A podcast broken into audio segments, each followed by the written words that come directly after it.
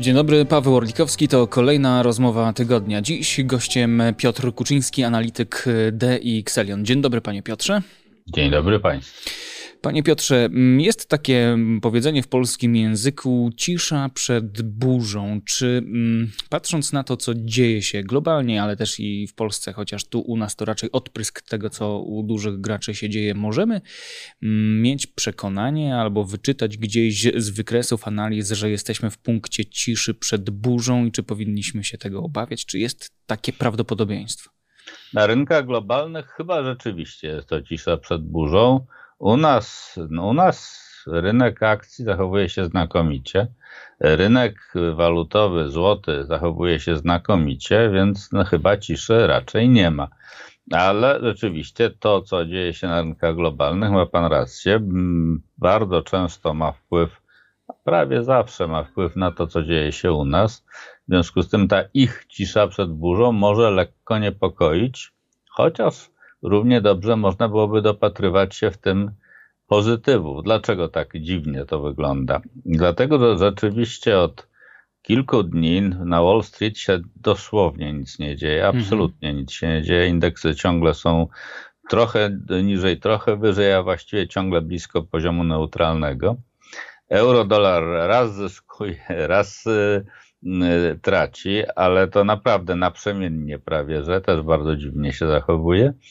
Wie pan, wszyscy czekają na dwa wydarzenia. Jedno, które jest takie dłuższe, dlatego że to obejmuje mniej więcej od wtorku do czwartku w przyszłym tygodniu. Mianowicie chodzi o spółki, o wyniki spółek z tego sektora FAMG.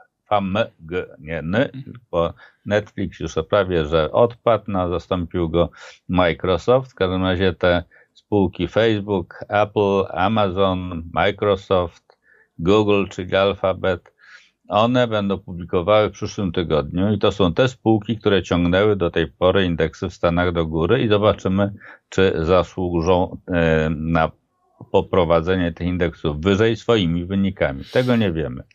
Tego wyniki nie wiemy, ale prognozy są bardzo, bardzo złe. W związku z tym jest olbrzymia szansa na to, że wyniki będą zdecydowanie lepsze. A drugi czynnik, on jest jednodniowy. Samo posiedzenie trwa dwa dni, ale ale y, dla nas ważny jest ten drugi. To jest 3 maja, 3 maja, kiedy to pojawi się Jerome Powell na konferencji prasowej, kiedy to Fed, czyli w tym przypadku Federalny Komitet Otwartego Rynku, poinformuje, jako jaką podjął decyzję. To chyba zaskoczenia nie będzie, 25 punktów bazowych do góry. No ale pytanie, co powie Jerome Powell, czy będzie bardzo jastrzębi, czy pojawią się duże nuty mm, tego łagodzenia, mm, gołębiości, zapowiedzi tego, że stopy na chwilę przynajmniej staną w tym swoim marszu do góry, co by oczywiście pomogło bardzo rynkom akcji. No to są te dwa elementy najbliższe nam.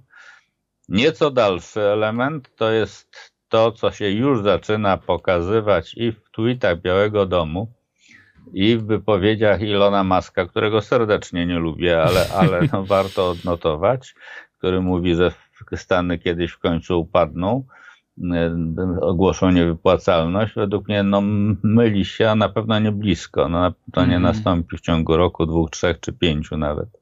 No ale tak czy inaczej chodzi o podniesienie limitu zadłużenia w Stanach Zjednoczonych. Pewno nie wszyscy Państwo pamiętacie. Ja z obowiązku pamiętam, że parę tygodni, miesięcy, no myślę gdzieś koło lutego, marca, Janet Yellen, sekretarz skarbu USA, mówiła, że mm, różnymi sztuczkami, bo to nie jest tak, że, że, że to tak w sposób normalny, starczy im pieniędzy rządowi federalnemu, żeby była jasna sprawa, gdzieś do okolic czerwca. W związku z tym no, maj się zbliża, no i będą, będzie potężna walka republikanów z demokratami o, o, o to podniesienie limitu zadłużenia, bo u nich to, on to jest ruchome. Za każdym razem kongres musi wyrazić zgodę. Republikanie będą się upierali, że chcą mieć cięcia socjalne. Demokraci powiedzą, że w życiu, no i będzie, no będzie trudno. Zawsze podnoszą ten limit, ale czasem bywa niemiło, tak jak chyba 12 czy 13 lat temu, kiedy to e, przy okazji takiego wydarzenia agencja ratingowa Standard Poor's obniżyła rating Stanów Zjednoczonych, co było wydarzeniem bez precedensu.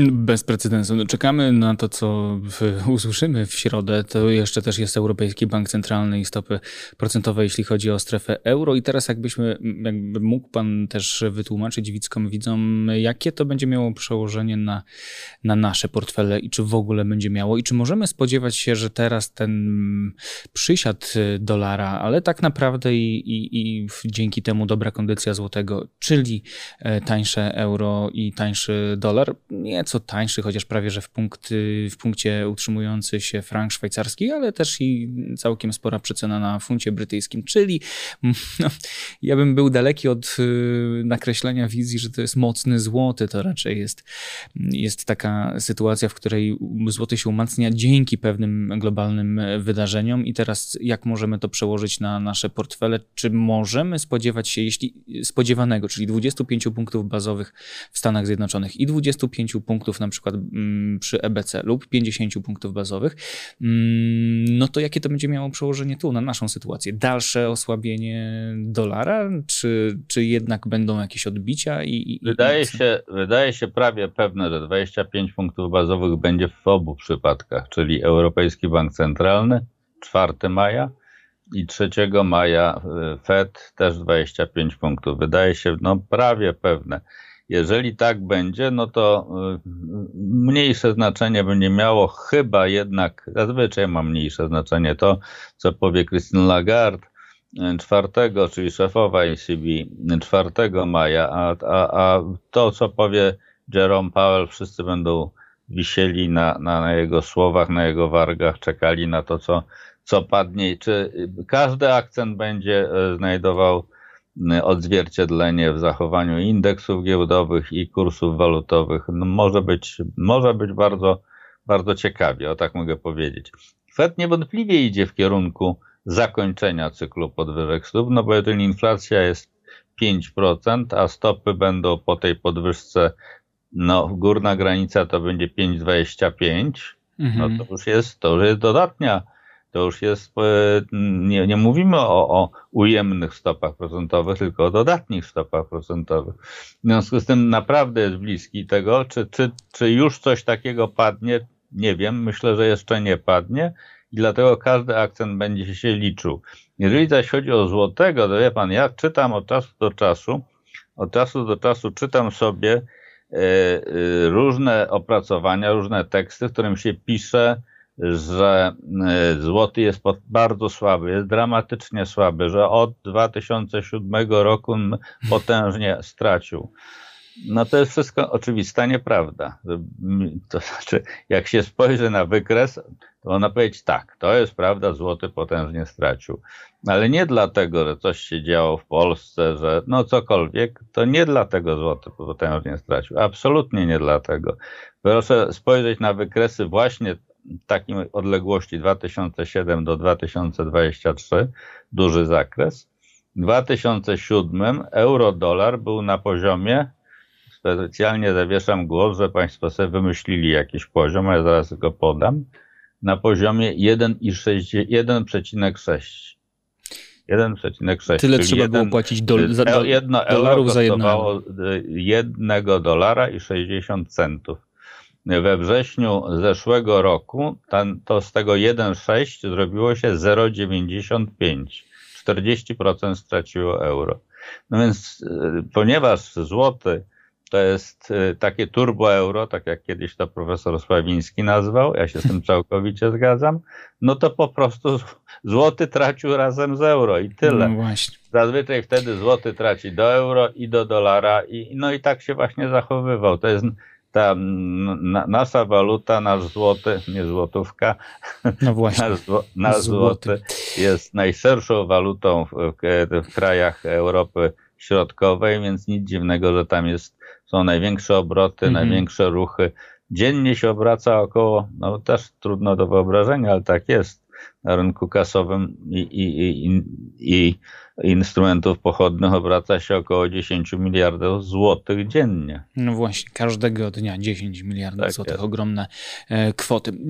No i patrząc na ten kontekst który pan teraz też narysował, patrząc na to, że dolar po 4,20, a jeszcze nie tak dawno temu jesienią pukał do bram 5 zł i na chwilę, ją na chwilę ją przekraczał, potem cofając się poniżej 5, no to teraz jesteśmy bliżej 4 niż 5, a pamiętam 2020 rok 3,65, 3,60, 3,70, 3,75, no ale nie powyżej 4. No i teraz, gdyby rzeczywiście tendencja się utrzymywała, to bliżej 4 niż 5 zł, to dla polskiej gospodarki dobrze, jeśli chodzi o kupowanie, bo surowce głównie kupujemy w dolarach. Z drugiej strony dla inflacji nie najlepiej, znaczy bardzo dobrze dla inflacji, dla nas nie, niedobrze, bo inflacja może mm, nie stygnąć.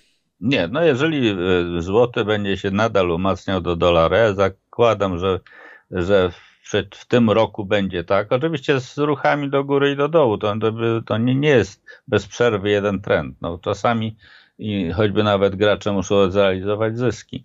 W związku z tym nie będzie. Zamykając pozycję, wykonuje się naturalny ruch, prawda? Oczywiście, mm. oczywiście. W związku z tym złoty będzie się według mnie w tym roku umacniał do dolara. E, to jest nie dla inflacji, to jest znakomita informacja, bo kupujemy e, do, e, surowce, przede wszystkim no ropę, no gaz za dolary czy za euro no a jeżeli złoty jest mocniejszy, no to mniej płacimy. Więc I ceny powinny tanieć, ale tak się często nie dzieje, albo dzieje się z opóźnieniem. I tak można mówić, tak, że te magazyny tak. wypchane są drogimi, drugimi surowcami, ale z drugiej strony, no też rozumiem, że marża w, to jest duża pokusa, że w sytuacji, gdy się przyzwyczai ludzi do wysokich cen, to niechętnie się zbija te ceny nawet. Tak, no i na tym polega to, co ekonomiści nazywają lepkością, y, lepkością inflacji bazowej. Inflacja bazowa to jest ta bez żywności, bez e, energii, bez, bez e, paliw. E, no, teoretycznie trzeba pamiętać o tym, że w tej inflacji bazowej też jest żywność, też są paliwa. Przedzierają Dla, się. Bo, bo, bo żeby produkować żarówkę czy telewizor, też trzeba kogoś nakarmić i też trzeba przewieźć też trzeba. No ale 12,3%, tak 12,3% to jest ogromna pan, inflacja bazowa, tyle, prawda? Tyle tylko, że to, co pan właśnie powiedział, y, y, ceny y, tego typu wyrobów, żarówka, telewizor, coś tam jeszcze, prawda, takie bardziej trwałe, ale nie, nie z tych szybko zmieniających się cen, mają tendencję do pozostawania na poziomach, na które wzrosły, prawda? Bo podnosi się ceny z chęcią, a mhm. obniża z dużą niechęcią. No więc nie ulega wątpliwości, że, że ta inflacja przez pewien czas z nami zostanie. Jak długi, tego nie jesteśmy w stanie powiedzieć, bo to, co pan powiedział o magazynach, tak, to jest prawda. Magazyny są wypchane, były wypchane w zeszłym roku po sufity, y, dlatego wszyscy bali się braków spowodowanych wojną, zerwaniami linii logistycznych i tak dalej, i tak. No i nakupowali drogich, drogich różnego rodzaju i surowców i towarów. Teraz muszą się ich pozbyć. Skoro się ich pozbywają, no to nie po to kupili, żeby sprzedawać ze stratą. Potem są jeszcze długoterminowe umowy. Kupowali na przykład w zeszłym roku, dostawał w tym roku, ale ceną z zeszłego roku, prawda? I dużo no, innych pól do wymówek wysokich tak cen, bo no rosnące no i, koszty i, energii pracowniczej. W związku z tym ta inflacja z nami przez dłuższy czas pozostanie. Jedynym plusem w tym jest to, że powinna się obniżać z miesiąca na miesiąc, przy czym y, to, co się dzieje na granicy Ukraina-Polska, mianowicie te, za, te zawirowania z produktami rolnymi, no nie pomogą w walce z inflacją, dlatego że nie oszukujmy się, to ja wcale nie wykluczam tego, że rządzący specjalnie dopuścili do tego mm, super importu z Ukrainy, żeby ceny były niższe, prawda? Bo jak mhm. teraz ich nie będzie, no to ceny mogą pójść w górę i to, to, to jest jakiś problem. A panu bliżej jest, że tak y, przekornie zapytam do wizji rozpościeranych przez prezesa NBP Adama Glapińskiego, jeśli chodzi o prognozy inflacyjne i gospodarcze w ogóle, no i tych członków Rady Polityki Pieniężnej z nadania powiedzmy Sejmu, czyli większością głosów Prawa i Sprawiedliwości oraz z tego obozu prezydenta, czy tych członków RPP, którzy są z nadania Senatu, mm, czyli bardziej opozycyjnego, ale też którzy są bardziej jastrzębi niż gołębi, ale też z różnicą w zdaniach, którzy wskazują na być może konieczność jeszcze podwyższania stóp procentowych, na pewno nie ich obniżania, ale z kolei wskazują też na to, że ta stagflacja bardzo wyraźnie nam zagraża, że oczywiście ten spadek może być dynamiczny z tego poziomu 16-17 do, do powiedzmy 12, maks 10, a potem utrzyma się na długie, długie, długie, długie, długie miesiące. Tak wysoka inflacja. Znaczy, ja, mnie jest bliżej, no, trudno mi to mówić, dlatego że że wiem, że moja bańka informacyjna prezesa Glapińskiego nie kocha i, i nie kocha y, polityki monetarnej prowadzonej przez Rady Polityki Pieniężnej. Ja, ja gdybym był w Radzie Polityki Pieniężnej, mimo że zdecydowanie nie byłbym na pewno wysunięty przez rządzących, to głosowałbym, głosowałbym tak jak prezes Glapiński. Dlaczego? Dlatego, że tu są dwie szkoły proste. No jedna jest taka, podnieśmy bardzo wysoko stopy, można to zrobić. Stany Zjednoczone. Na przykład? przełomie lat 70. i 80. Fed podniósł stopy mm, do poziomu 20%, 20%. A przypomni pan, jaka wtedy była inflacja? i 0,8%, czyli mm. inflacji 14. 6 punktów procentowych wyżej czyli, niż inflacja. Czyli y, zbliżonej do naszej, prawda? Mm, no, u nas 16, tam było prawie 15. Terapia szokowa. Do 20%. W związku z tym y, stłumił inflację dosyć szybko i doprowadził do dwuletniej ostrej recesji w Stanach, gdzie mm, bezrobocie chyba sięgnęło 20%. W związku z tym jest ta droga, proszę bardzo. Ja rozumiem, że tych trzech, którzy chcą mm, członków Rady Polityki Pieniężnej, chce tej właśnie drogi. Mm -hmm. Szybko zbić inflację, nawet kosztem recesji gospodarczej. Ja jestem innego wyznania. Uważam, że lepiej troszkę dłużej, troszkę dłużej, znaczy rok, nie pięć lat, bo w to to nie wierzę, to są opowieści dziwnej treści. Rok wytrzymać trochę dłużej z tą inflacją, dość wysoką, ale nie doprowadzić do recesji. No i, i, i chyba na razie to się sprawdza. Czy to się sprawdzi w dłuższym okresie? Wie pan, mistrza poznaje się często po śmierci. W związku z tym zobaczymy, jak W malarstwie to bardzo popularne, aby ci malarze polityki monetarnej nie musieli dzielić takich losów i reagowali w odpowiedni sposób. No, no teraz Paul, Paul Volcker, czyli ten szef Fed z tamtych lat, przełomu lat 70-80 jest, był, był, bo już chyba nie żyje, mm. był noszony na rękach, mimo tego, że była to dwuletnia ostra recesja. No, ale nie wiem, czy wszyscy byliby zadowoleni, czy y, gdyby zapytano tych, którzy potracili no miejsca pracy, też byliby zadowoleni. Potem e, to jest jeszcze pokutuje się pokoleniowo, bo nawet dzieci tych, którzy stracili pracę, potem e, wspominają i, i mogą narzekać. Zresztą mamy przykład w pewnym sensie terapii szokowej, jeśli chodzi o transformację Polski z systemu centralnie zarządzanego i, i, i socjalistycznego do, do kapitalistycznego ustroju i niektórzy do dziś wspominają, że ta tak zwana terapia szokowa była na tyle bolesna, że nawet te pokolenia, które wtedy z rynkiem pracy nie miały nic wspólnego, bo to byli nastolatkowie, no to dzisiaj na przykład mm, mają dużo za złe profesorowi Balcerowiczowi, bo o tym e, mówię, ale to lata 90., a my mówimy o tym, że jest 2023 rok. Tak jest. Patrząc na południe, Czechy, Mówi pan, że pozazdrościć powinniśmy im odczytu inflacyjnego, że niby jakby tak tydzień wstecz sięgnąć, no to wtedy rzeczywiście amerykański indeks odbijały po danych inflacyjnych. Potem dobry był to tydzień dla giełdy papierów wartościowych, bardzo dobry dla złotego, ale mimo wszystko czego powinniśmy zazdrościć południowym sąsiadom? No nie wiem czego, dlatego że u nich inflacja jest stosunkowo wysoka, prawda? Mm -hmm. 14 chyba 8, tak? tak Czyli bardzo pamiętam. blisko tego, co w Polsce.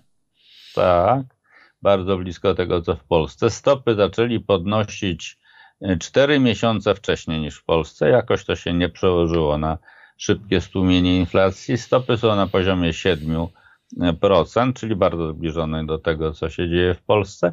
No można zazdrościć e, czego? Mianowicie tego, że podobno E, bank czeski twierdzi, że sprowadzi inflację do celu przyszłym roku. No i to, i to jest dla mnie zagadka nie do mhm. zrozumienia, jak można w bardzo podobnej sytuacji, podobne stopy procentowe, podobna inflacja, nasz NNBP mówi, sprowadzimy ją do celu w 2025, a ci mówią, że już za rok będzie, będzie to w celu inflacyjnym i zduszą inflację. Ja, ktoś, ktoś się myli, ktoś się bardzo myli.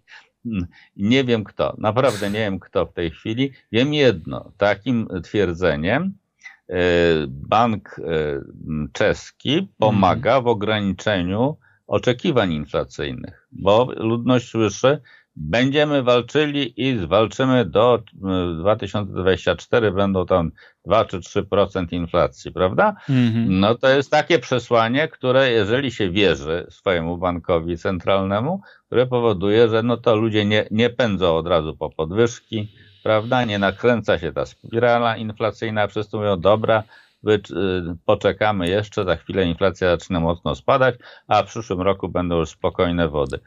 No u nas jest, przepraszam, nieco inaczej.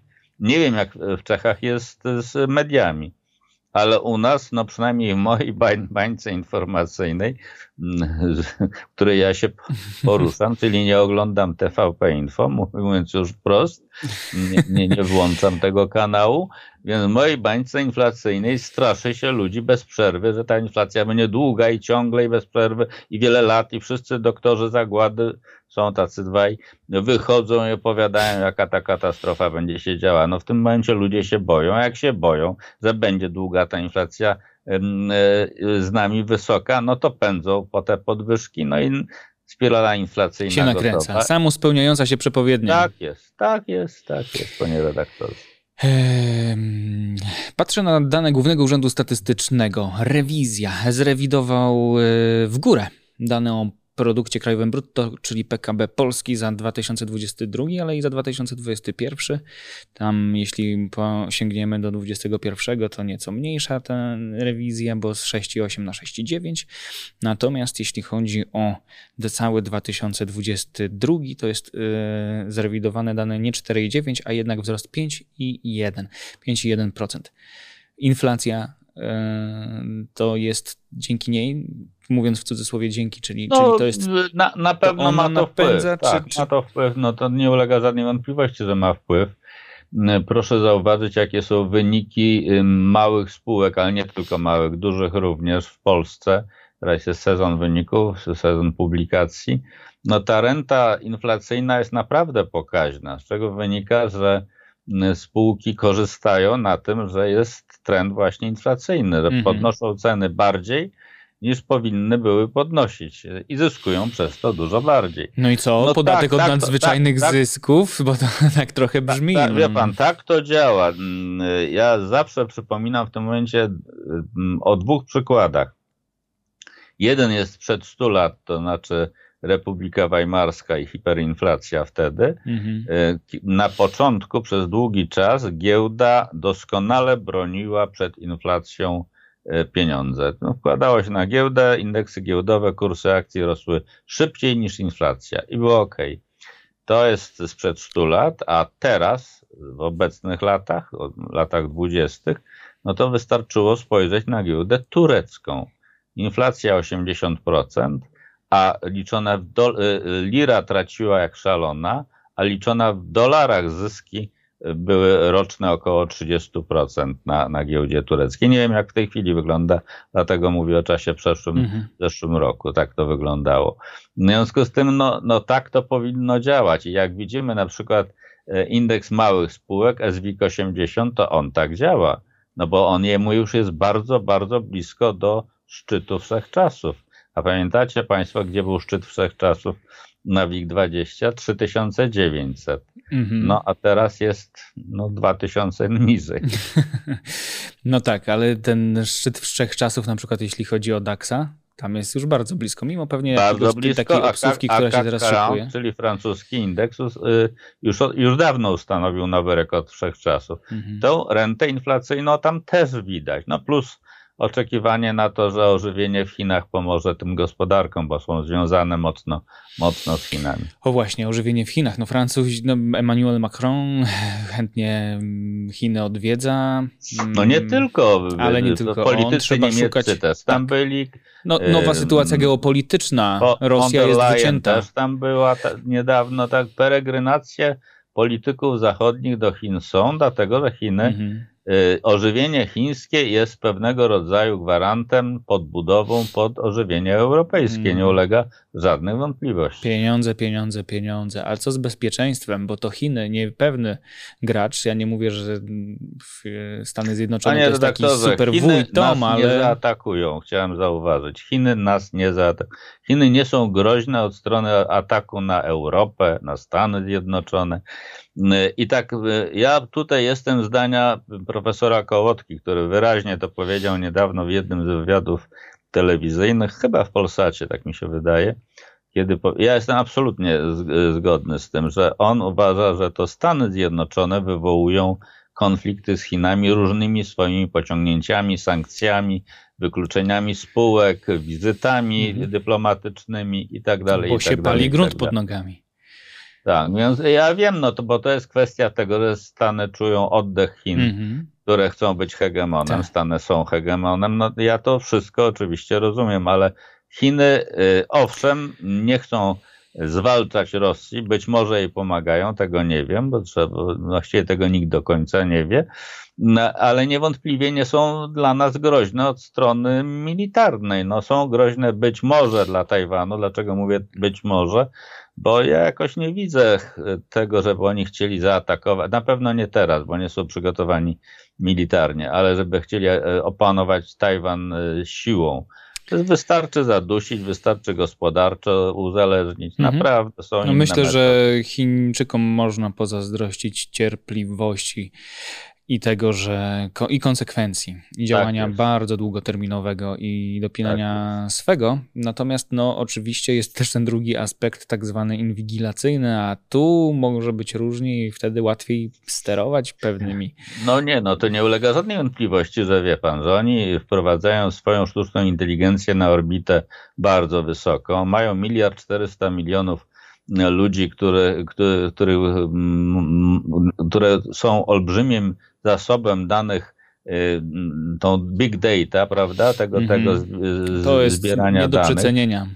Tak, i oni na tym mogą sobie testować swoją, tą sztuczną inteligencję. Wiemy, jaki jest ten system liczenia punktów społecznych, prawda? Mm-hmm. W Chinach, że przejdzie pan przez czerwone światło, to później okaże się, że nie może pan w pierwszej klasie w pociągu jechać, na przykład. No, tak. nie wiem, czy akurat tak dokładnie jest, ale tak czy inaczej są punkty, e, które się zbiera za właściwie każde zachowanie. Każdy człowiek jest już rozpoznawalny Trochę w serialu nie tylko Czarne Lustro. Także, tak, oczywiście to jest system autorytarny, to jest y, wcielenie w życie, można powiedzieć, Orwella.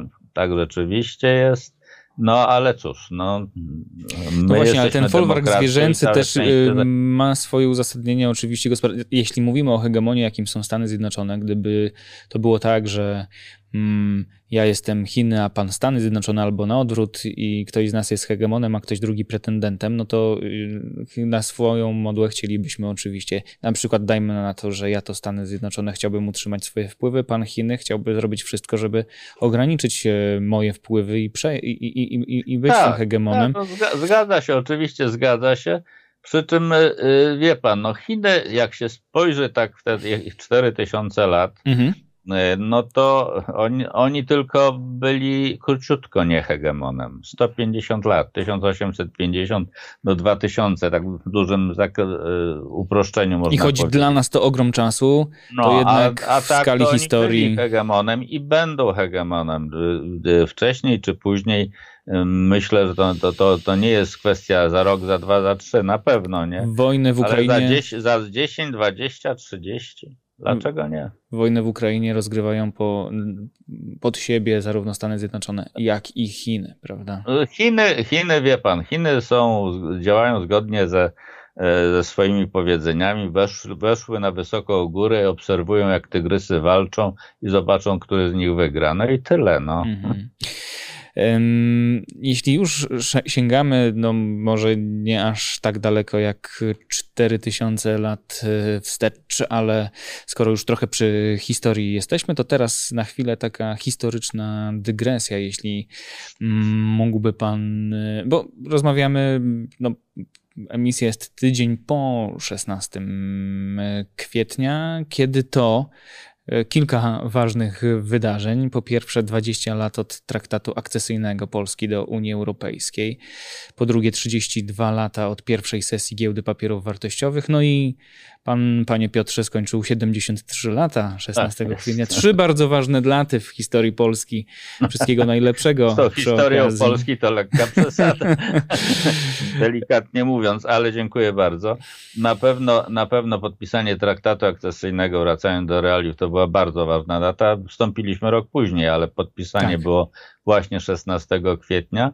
No i ta pierwsza sesja giełdowa to było miłe, dla mojego serca zawsze miłe, no pierwsza sesja w urodziny super sprawa, no 32 lata temu, tak jest. I jakby popatrzeć po tych 32 latach od uruchomienia giełdy i 20 od traktatu, czyli 19 za chwilę, 1 maja będziemy obchodzili 19-lecie, za rok tak 20 jest. w Unii Europejskiej, która, no, a żyjemy w, jak pan pięknie to zauważył i świetnie pan czyta rzeczywistość w różnych bańkach informacyjnych, przekazów i tak dalej, i tak dalej. Jedna bańka jest proeuropejska, czasami nawet, nie wiem, proniemiecka, druga antyniemiecka, antyeuropejska, antyzachód.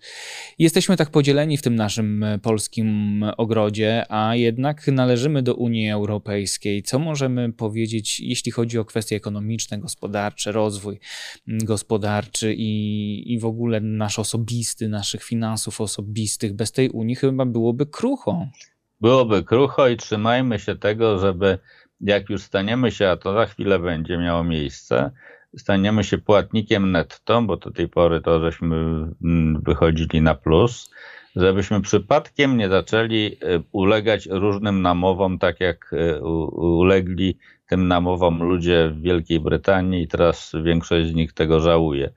Mm, I tutaj ja naprawdę przestrzegam, że opuszczenie Unii Europejskiej to byłaby katastrofa na, na, no, na miarę chyba kilku wieków. Także że, no, ja jestem olbrzymim zwolennikiem Unii Europejskiej. Nie uważam, że Niemcy wszystkim sterują. Owszem, duże państwa, Niemcy, Francja, Włochy, no, no są duże, są potężne, mają potężne gospodarki. Starajmy się mieć potężną gospodarkę, starajmy się z nimi rozmawiać i dyskutować. Będziemy przy stole, to nie będziemy przystawkami. Ale potrafimy się póki co, patrząc na sytuację bardziej pewnie dyplomatyczną, ale odbijającą się na kwestiach finansowych i gospodarczych, y, obrażać, wyzłośliwiać, y, odgrażać no niestety, palcem. No. no niestety tak i na szczęście ta druga strona, czyli Niemcy i, i Unia Europejska jest bardzo wyrozumiała, naprawdę bardzo wyrozumiała i, i ja to cenię, bo mm, zakładają, że, że no może się zmieni rząd, może mhm. zmieni się układ i może wrócimy do, do normalnych, bardziej normalnych stosunków, bo e, antyniemieckość, ja, ja jej kompletnie nie rozumiem. No, Niemcy byli jednym z największych orędowników naszego wejścia do Unii Europejskiej. Dzięki y, współpracy z Niemcami rozwija się nasza gospodarka.